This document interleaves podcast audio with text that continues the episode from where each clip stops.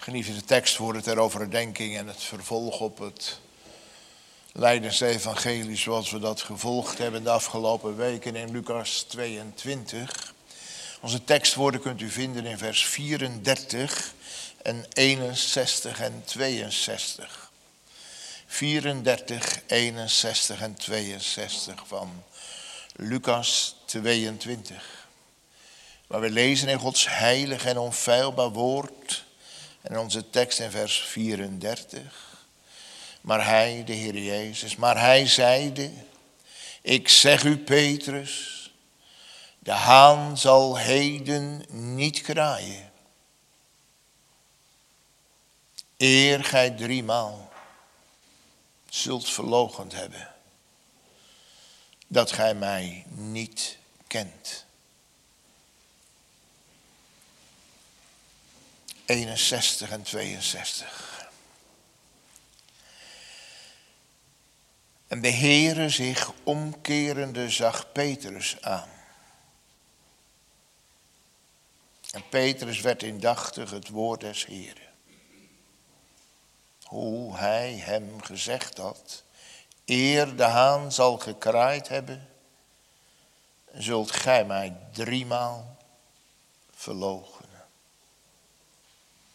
En Petrus naar buiten gaande, weende bitterlijk.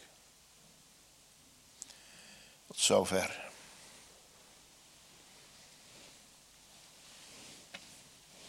De Heer Jezus door Petrus verlogend. We hopen met elkaar te gaan nadenken over een viertal gedachten. De eerste plaats Petrus gewaarschuwd.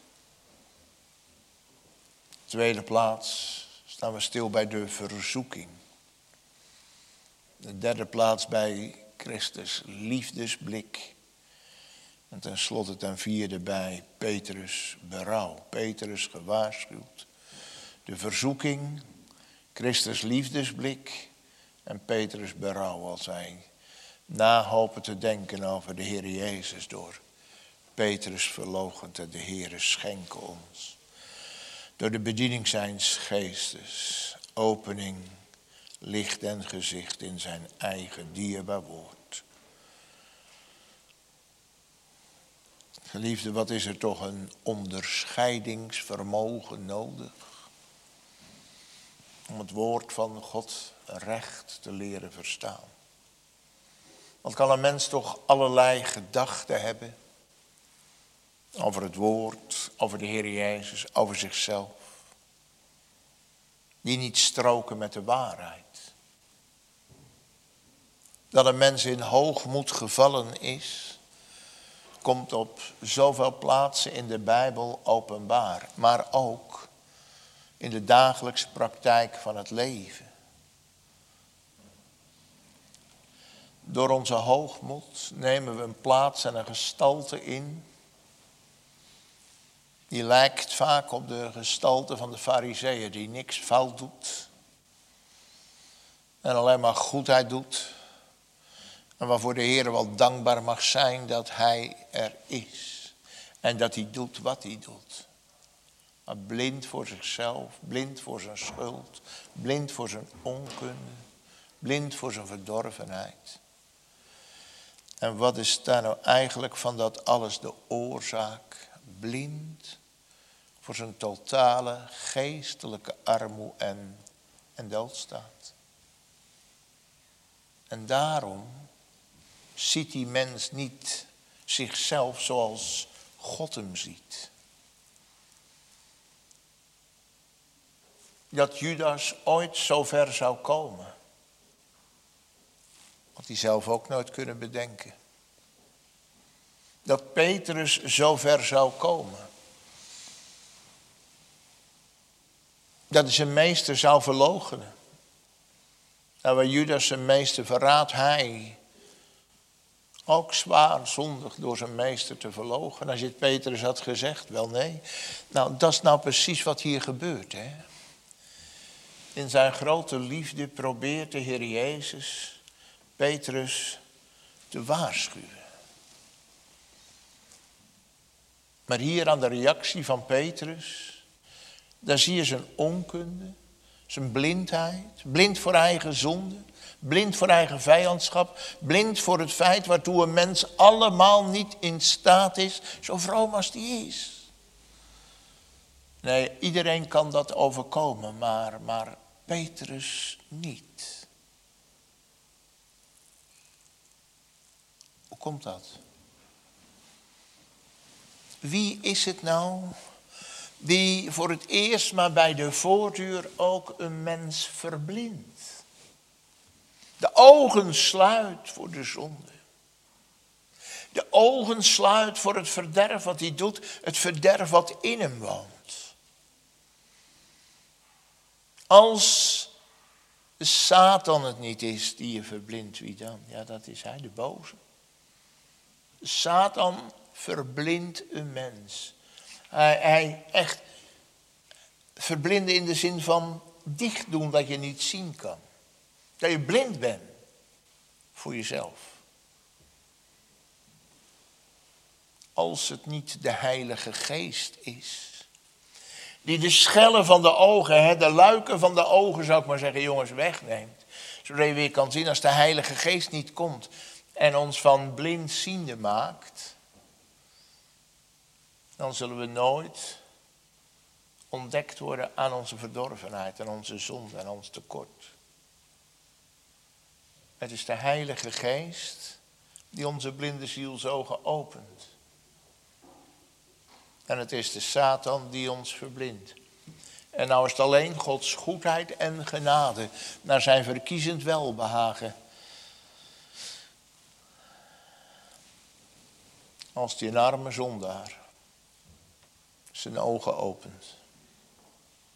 Ik zeg er wel bij, op tijd, in tijd dat niet te laat is. Zal nooit vergeten hoe ik voor het eerst in mijn leven onder een prediking zat. En daar werd verteld dat een mens van nature is als een mol. Als die doodgeslagen wordt, gaan zijn oogjes open. Dat is beeld van ons. Als wij sterven, dan zullen onze ogen geopend worden en zullen we zien waar we terecht gekomen hebben. En als God ons dan de zonde ordentelijk voor ogen gaat stellen in het gericht, dan is het te laat. Te laat, eeuwig te laat. En daarom is het zo nodig. Maar ook zo'n eeuwig wonder als God de Heilige Geest je blinde zielsogen gaat openen aan deze kant van het graf. En dat u dan ook dat gaat ervaren dat de Heer alle zonden ordentelijk voor ogen gaat stellen, zodat u ze nog kunt bewenen en beleiden dat er nog een tijd van berouw is. Genadetijd is altijd tijd om u te bekeren, om in de schuld te komen en weder te keren. Een van de ergste dingen. In deze geschiedenis lezen we van Judas dat hij geen plaats des berouws vond. Geen plaats waar hij met zijn schuld naartoe kon. Geen plaats voor berouw. Geliefd als we dat indenken. dat nou eens probeert in te denken wat dat zeggen wil. Hebt u wel eens iemand op zijn ziekbed, op zijn sterfbed met vroeging meegemaakt? Vroeging. Dat hij voelt dat de genadetijd voorbij is.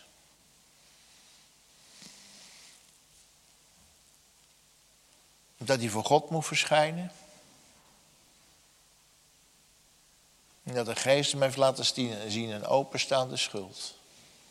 Die hij levenslang heeft kunnen bedekken met van alles en nog wat, maar een openstaande schuld. Want het bloed wordt gemist en de kennis van Christus wordt gemist. Hij ze hoorde praten, ze hadden alles en ze kenden alles. Maar als het erop aankwam, weet je, dan lopen er heel wat rond met brandende lampen. Maar als de bruidegom komt, wat dan?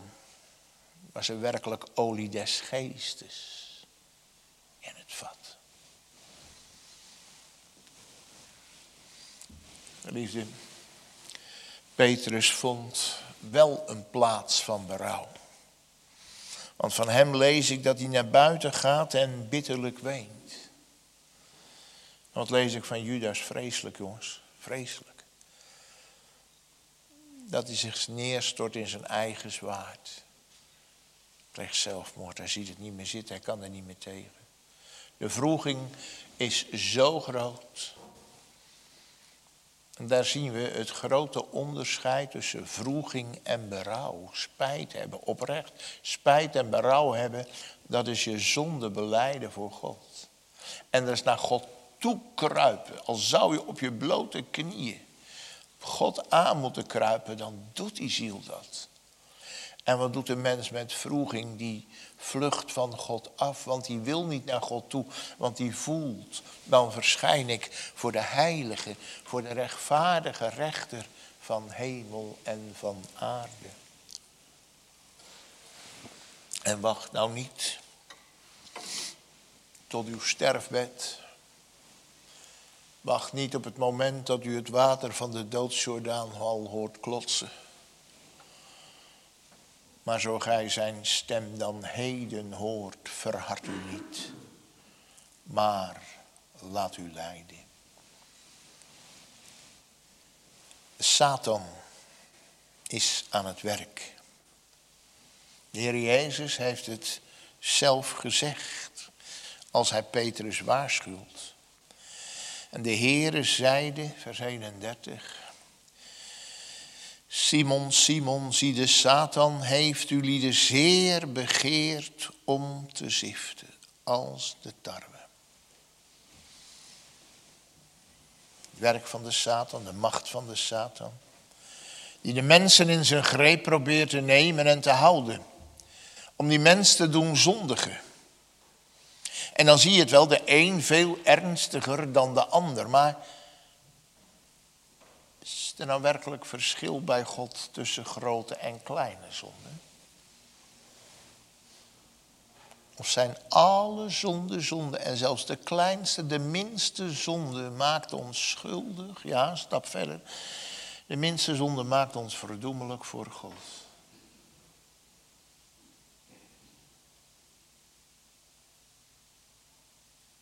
Liegen is net zo erg als doodslag. Alleen wij denken daar anders over, maar voor Gods aangezicht is de overtreding van het negende gebod net zo erg als het zesde gebod.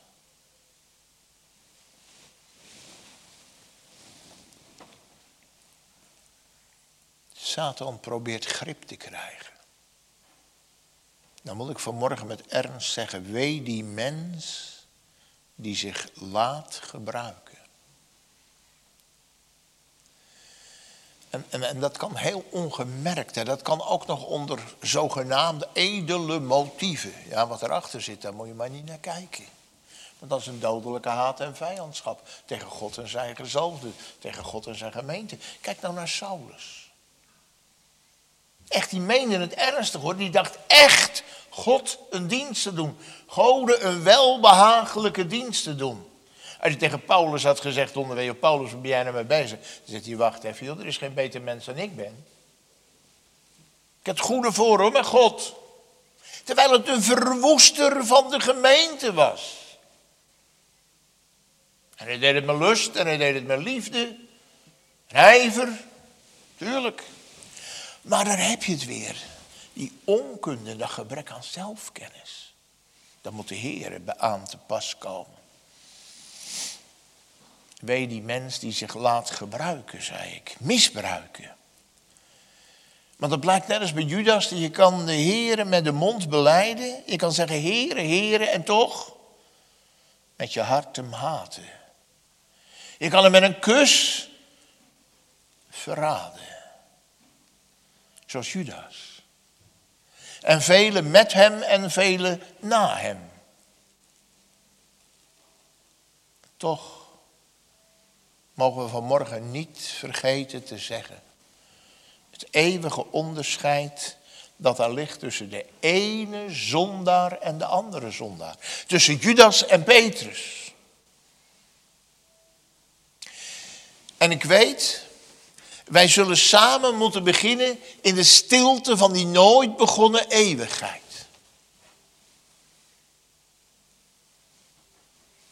Jacob heb ik lief gehad. Esau heb ik gehaat. Esau gaat hij verloren omdat hij niet verkoren is? Of gaat hij verloren om eigen schuld? Petrus en Judas. Wordt Petrus behouden op zijn goede werken? Kom je daar nou bij? Want alles vloekt en zondigt er tegenin. Dat is genade.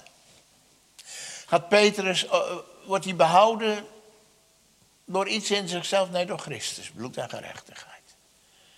En, en Judas dan? Gaat Judas verloren omdat hij niet uitverkoren is? Nee, die wordt geoordeeld naar zijn zonde. Snapt u? Dus wij kunnen enerzijds beginnen in de eeuwigheid en dan, dan, dan schrijven we het woord verkiezing op het bord en dan is het einde oefening voor een heleboel mensen. Want dan haken ze af, zie je wel. Maar dan moet kijken naar de praktijk, naar de uitwerking, naar de uitleving. Dat is het punt. Hij heeft zich vrij en moedwillig, nadat hij de Satan toegevallen is, heeft hij hem trouw gediend. Drie jaar lang onder het mom van een discipel. Het leek een discipel, maar het was een vijand. Het leek een vriend van Jezus, maar hij haatte hem diep in zijn hart. Petrus heeft liefde en genade ontvangen. Waarom? Omdat hij in de schuld kwam. Omdat hij zijn schuld heeft leren voelen. En moest opletten. Wanneer lees ik nou dat Petrus verbreekt? Hij klapt in elkaar. Ik, las dat in de voorbereiding, en dat was een Engels commentaartje, dat doet er helemaal niet toe. Maar daar stond wel breakdown. Ja, maar die was kapot. Stuk van binnen. Verbroken, innerlijk verbroken. Zo, innerlijk verbroken, gaat hij tot de Heer. Nee, wacht nou eens.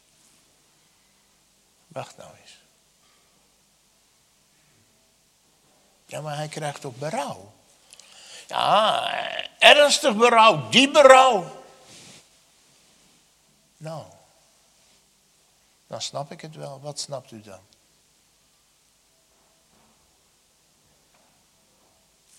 Hoe komt hij aan dat berouw? Mag ik dat vragen? Heeft hij een donderpreek gehoord? Mag ik eens heel plat zeggen zoals de mensen dat zeggen?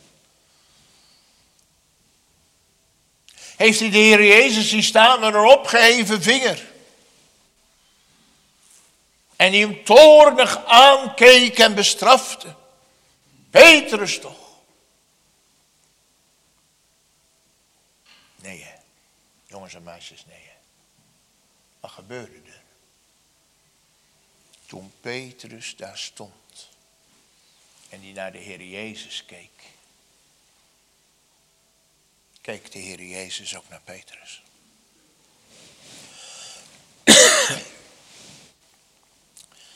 Petrus was bedroefd, maar de Heer Jezus ook. En toen Petrus de Heer Jezus aankeek, zag hij twee dingen. Zijn verdriet, maar ook Jezus liefde.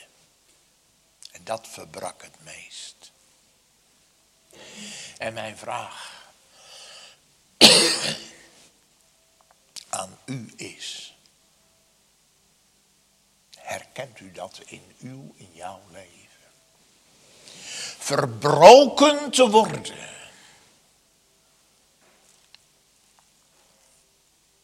Door zijn liefde. Is er hier iemand in de kerk of thuis? Die wel eens overtuigd van zijn zonde en schuld, die werkelijk een zondelast heeft gezien die van de aarde tot de hemel reikt. Onmogelijk veel. En onder die last moest bezwijken. Onder die last moest verloren gaan. En zag op de eeuwige rampzaligheid. Want zou zo één als ik ben met zoveel zonde en schuld nog zalig kunnen worden. Maar als zo één nou eens verwaardigd werd. Twee dingen. Dat er een blik van de hemel op hem of haar geslagen werd. En dat er van de aarde door hem of haar een blik op hem geslagen zijn. Hebt u wel eens als een verbroken zondaar aan de voet van het kruis gelegen, ziende op Christus lijden, ziende op dat doorbloede hoofd, dat bebloede hoofd, die handen, die voeten.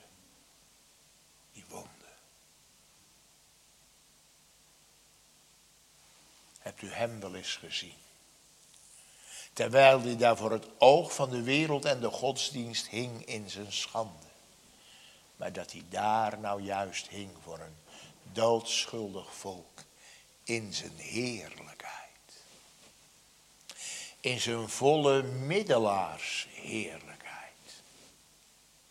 Een middelaar die bloedt uit duizend wonden en waarvan die weet en gelooft en beleeft dat dat bloed reinigt van alle zonde. Niet alleen het gezichtelijke, maar ook de kennis van de wegschenking en de toepassing. En dan met blijdschap voor eigen hart en leven in hem te mogen eindigen. Weet je waar het om draait, hè? Waar gaat het nou om in je leven? Nou te weten of je een Judas bent of een Petrus.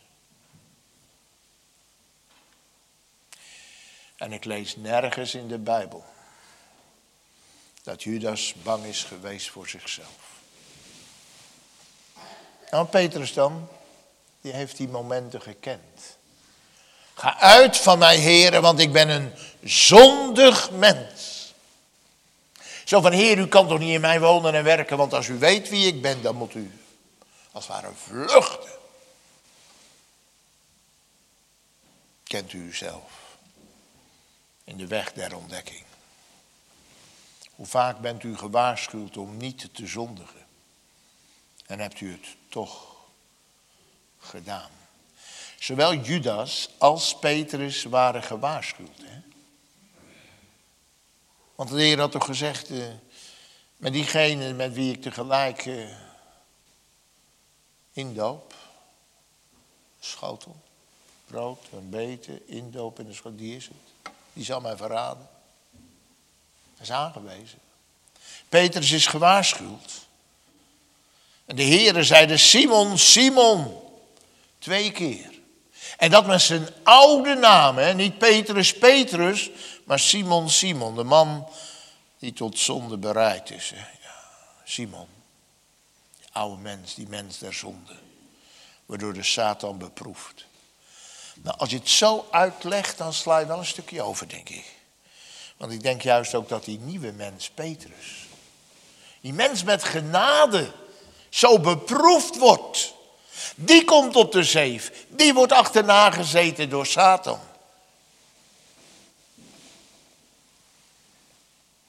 Wat denk je van Job?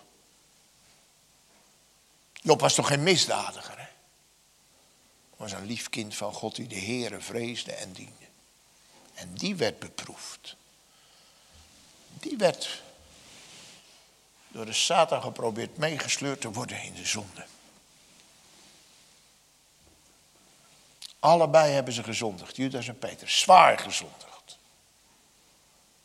De een verhardt zich in zijn zonde en de ander werpt zich neer op de barmhartigheid, de goede tierenheid en de genade van God. Ze wisten beide niet waar ze toe in staat waren. Ik kan het je niet voorstellen. Drie jaar in de nabijheid van de Heer Jezus. Drie jaar dat hemelsonderwijs. Drie jaar wonderen en tekenen. En de woorden des levens van de heiland zelf gehoord. En iedere keer als ik eraan denk, iedere keer als ik het lees. Wat, wat denk je dan aan? Nou, in de eerste plaats aan mezelf. Beproef uzelf. Beproef uzelf nou, ja zeer nauw. Of gij in het geloof zijt. Dan is niet in de eerste plaats de prediking essentieel. Is het natuurlijk, dat is je ambt, dat is je werk. Maar in de eerste plaats gaat dat woord door jou als prediker zelf heen. Here, ben ik het. Om te leren, Here, laat me zien waartoe een mens zelf in staat is. Simon, Simon, je weet niet wie je bent. Maar ik zou dit zeggen, de Satan heeft jullie zeer begeerd om te ziften als de tarwe. Je moet op de zeef. Nadat het gewand was, hè, dat het, kaf, het meeste deel was weggewaard, waren er toch nog allerlei vuiltjes en stofdeeltjes en, en misschien toch wat stukjes kaf nog blijven liggen. En dan moest hij op de zeef. Maar één ding, de zeef heeft maar één doel kostelijke van het snode te onderscheiden. Dat moet ik even vertellen, jongens, want anders dan zeggen jullie, dominee, wat bedoelt hij nou? Kom je thuis en zeg, de dominee zei, je moet het kostelijke van het snode onderscheiden. Nou, dat gaat in de prediking, want de oudere generatie kent die uitdrukking wel, hè, dat predikanten die je regelmatig gebruikt, het kostelijke van het snode onderscheiden. Wat is het kostelijke? Dat is het goede.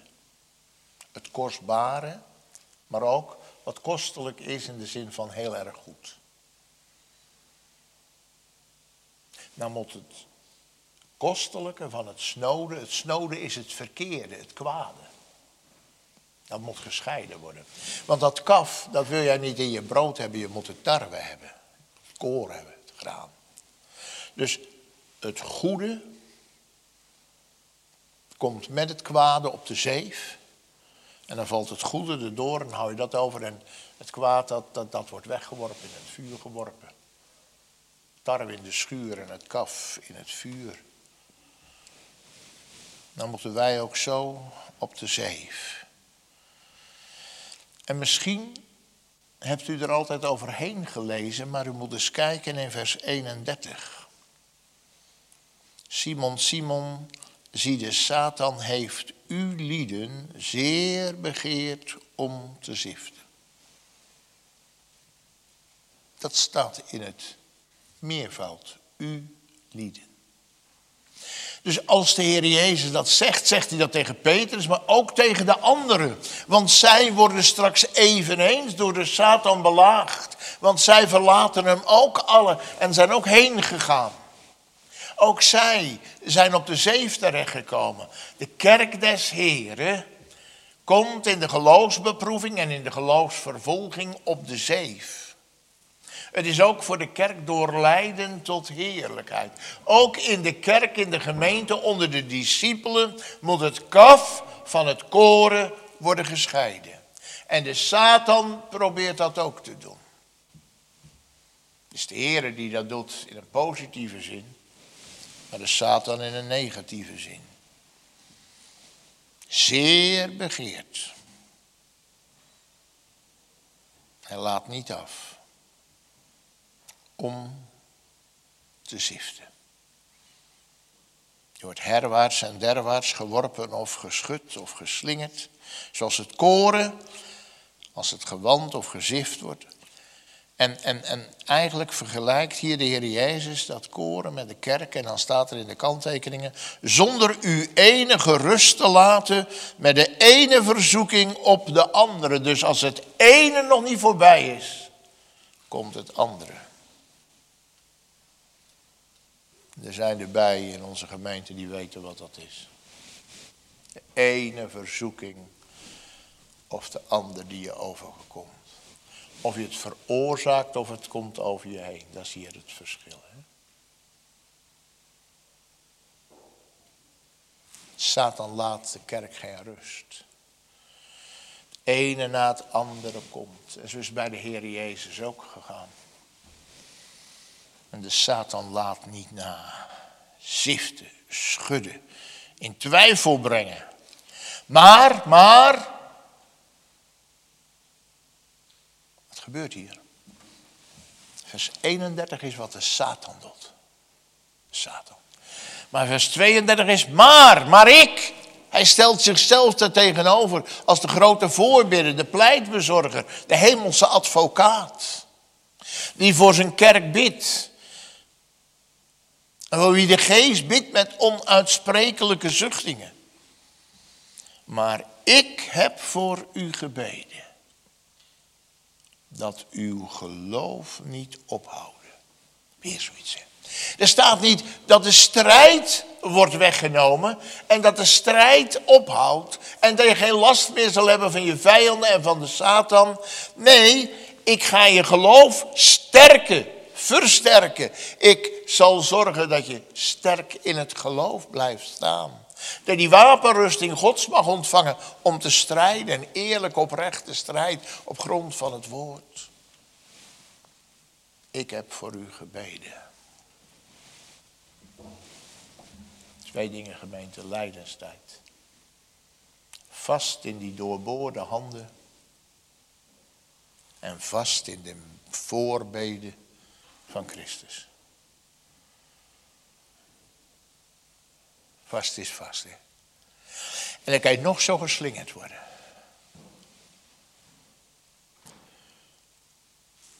We weten er hier in de gemeente wel.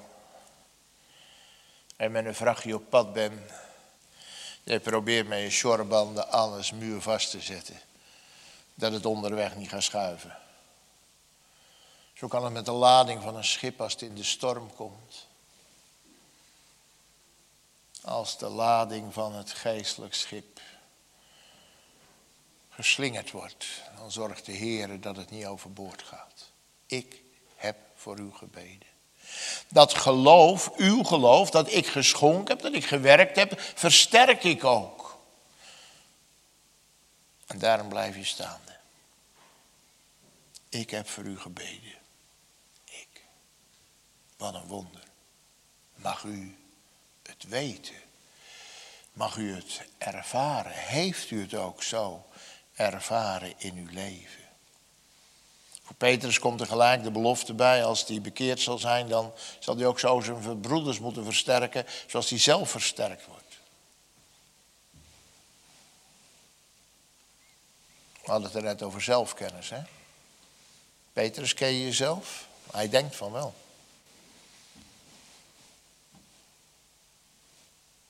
Hij gelooft echt niet dat hij uh, van de zeef afgaat. Hoor. Petrus denkt echt niet dat hij openbaar komt in de zonde. 33. Here, ik ben bereid met u ook in de gevangenis en in de dood te gaan. U zegt hè, dat ik gezift word. En u zegt dat we openbaar zullen komen, maar heren, wat er ook gebeurt, wat de Satan ook probeert om me van u af te trekken. Nee. Want al moet u in de gevangenis, het is lijdenstijd, hij heeft voorspeld. En, en hebben, ze hebben de vijandschappen lang gevoeld en geproefd en gezien. Straks komen ze met zwaarden en stokken nadat die strijd in Gethsemane geweest is. Al wordt u gevangen genomen, dan ga ik mee. Ik voel me zo hartelijk aan u verbonden. Heren, er is zo'n eenheid tussen u en mij. Ik kan me niet voorstellen, heren, dat ik u zou verlaten. Zie je, mens is niet in staat in te denken waartoe hij in staat is als God hem loslaat en de Satan hem op de zee legt. En heren, ik hou zoveel van u. Ik heb u zo hartelijk lief. Ik heb zoveel aan u te danken. Al moet ik met u sterven. Laat me dan maar sterven. Nou jongens, dat is toch heel wat. Hè? Als, je, als je zegt van als iemand de gevangenis in gaat, dan, ehm, dan, dan wil ik met u mee. Wil bij u zijn, ik wil voor u zorgen, ik wil je ondersteunen, ik wil je vertroosten. En al moet u sterven, ja dan ik ook maar. Want zonder, eigenlijk zegt hij hier, zonder u heb ik geen leven. En zonder u kan ik niet leven.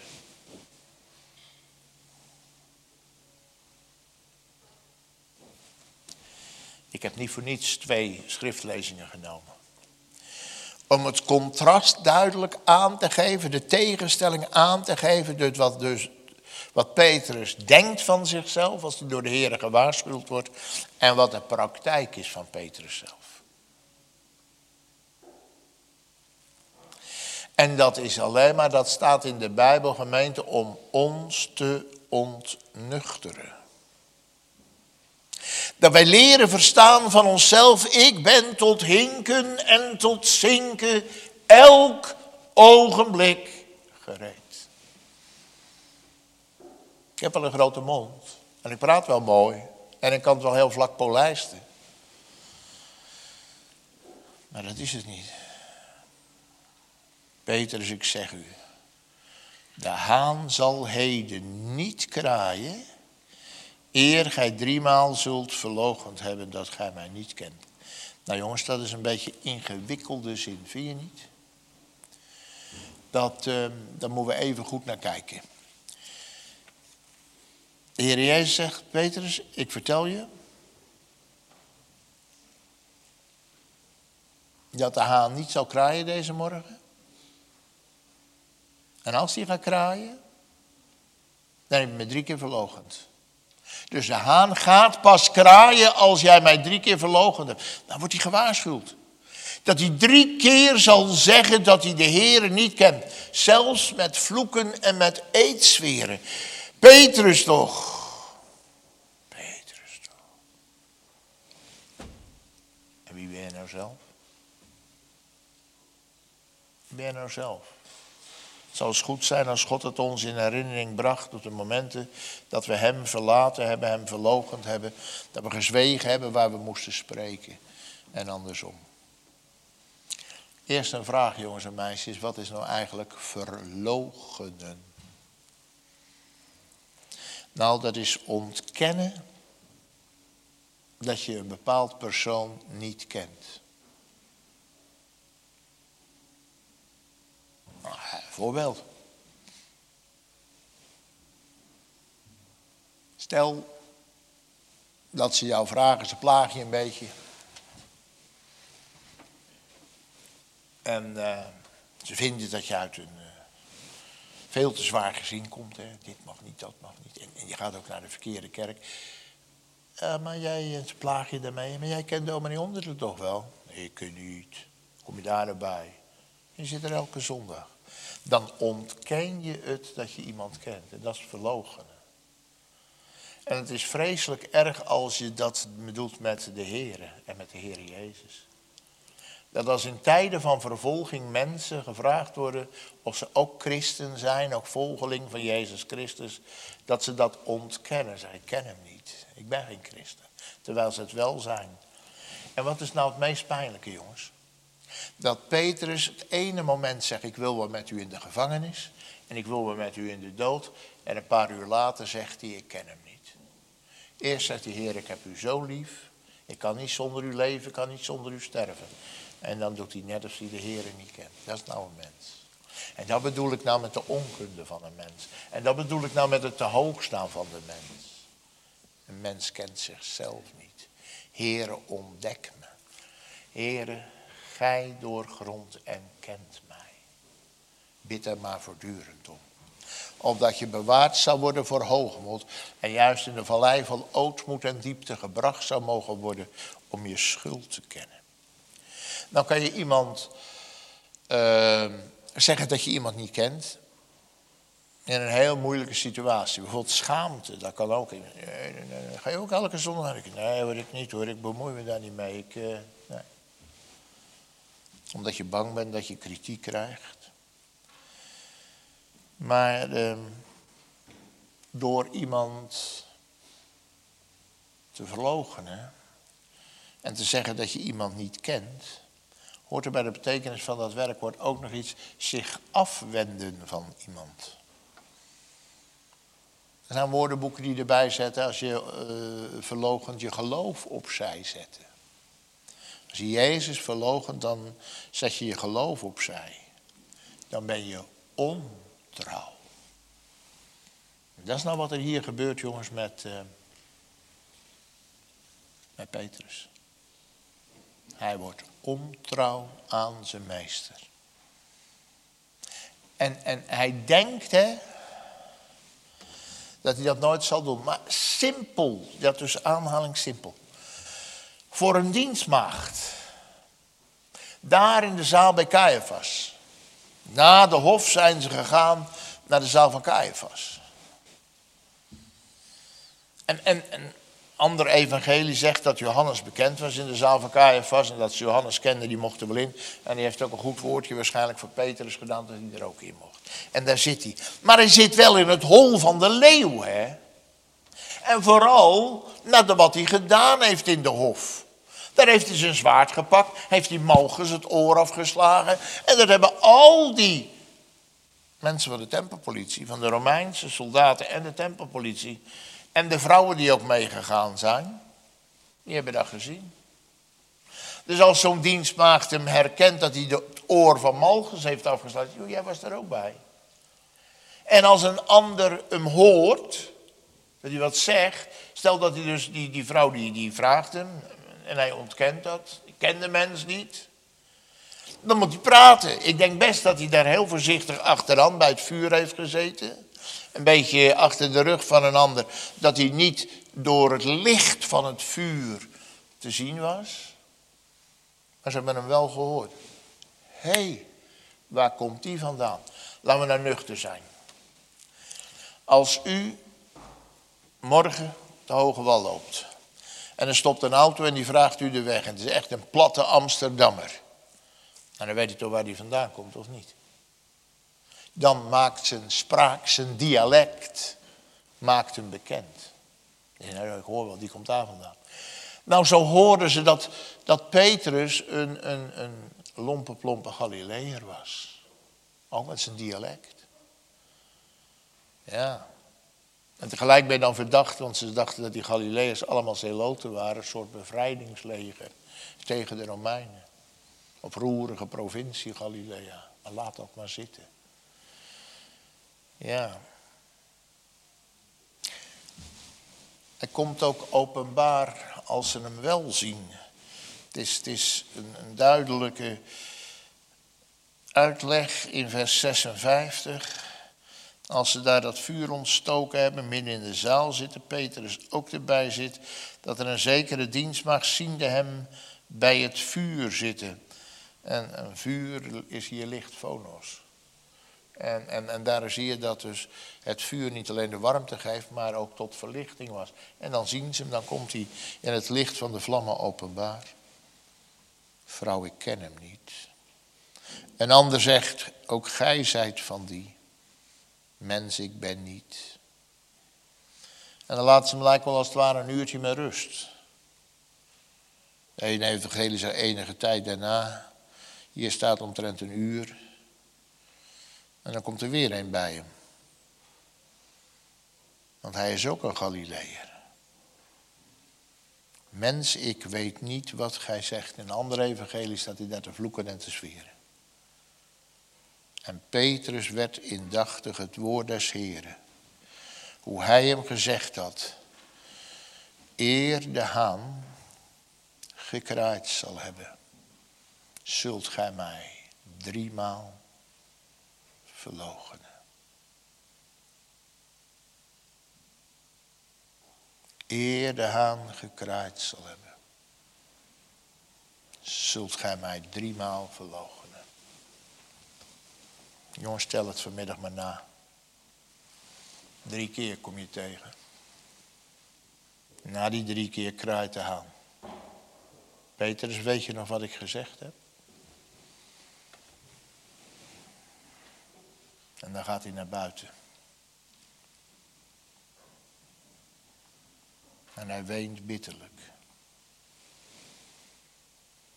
Schuld, verbroken hart, uitgestorte liefde.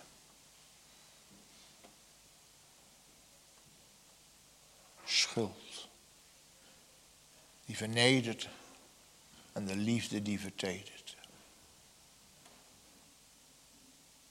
Wij lezen in het andere evangelie dat de Heer Jezus zich omdraait. Vers 61. Lezen we het hier op volgt. En de Heere zich omkerende zag Petrus aan. Wie is nou de eerste? Zeg het eens. Zondaar, wie was het nou in uw leven? Keek u nou het eerst naar hem of keek hij nou het eerst naar u? En Jezus. En Jezus zich omkerende zag Petrus aan.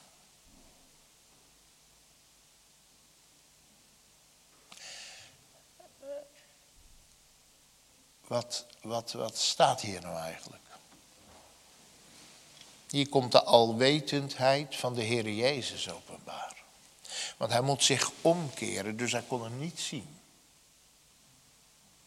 En of hij hem gehoord heeft, weet ik ook niet. Maar de opmerkzaamheid van de Heer Jezus lag in zijn hart. Want hij kent immers onze zonde. En hij weet het overdenken van het hart.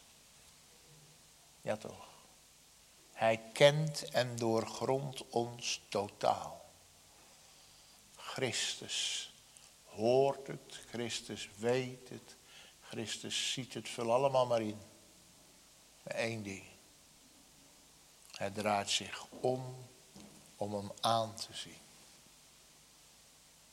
Zou Petrus ooit zulke tedere ogen hebben gezien? Als die ogen van de Heer Jezus. De smart, de droefheid, de pijn en het verdriet. Die daarin opgeslagen liggen. Petrus. Ik heb je gewaarschuwd, ik heb het gezegd. Petrus, ik heb het geweten en daarom heb ik je gewaarschuwd. Ik ken de tactiek van de Satan. Petrus, je hebt me niet willen geloven, maar nu zie je. Petrus, jij hebt gezegd dat je wel met mij in de gevangenis wilde. Hè? En jij wilde ook wel de dood in. En jij bedoelde te zeggen, heren, ik heb u zo lief. Zo lief. Nou Petrus, wat is er nou van jouw liefde over? Niks. Helemaal niks. Je staat er in je schuld, in je onwaarde, in je rechteloosheid. Arme zondaar die je bent, dwaas. Maar Petrus, ik kan je troosten. Dat de liefde van mij voor jou groter is dan jouw liefde ooit voor mij kan zijn. Zijn er die daar weet van hebben. Die daar de herinnering, de bodem van het hart van hebben liggen zoete zalige ogenblikken dat de Heer Jezus kwam en sprak. Dat u mocht blikken in die liefdesogen. U had de dood verdiend, u had de toren verdiend, wraak, gramschap. Wat ontving u? Liefde.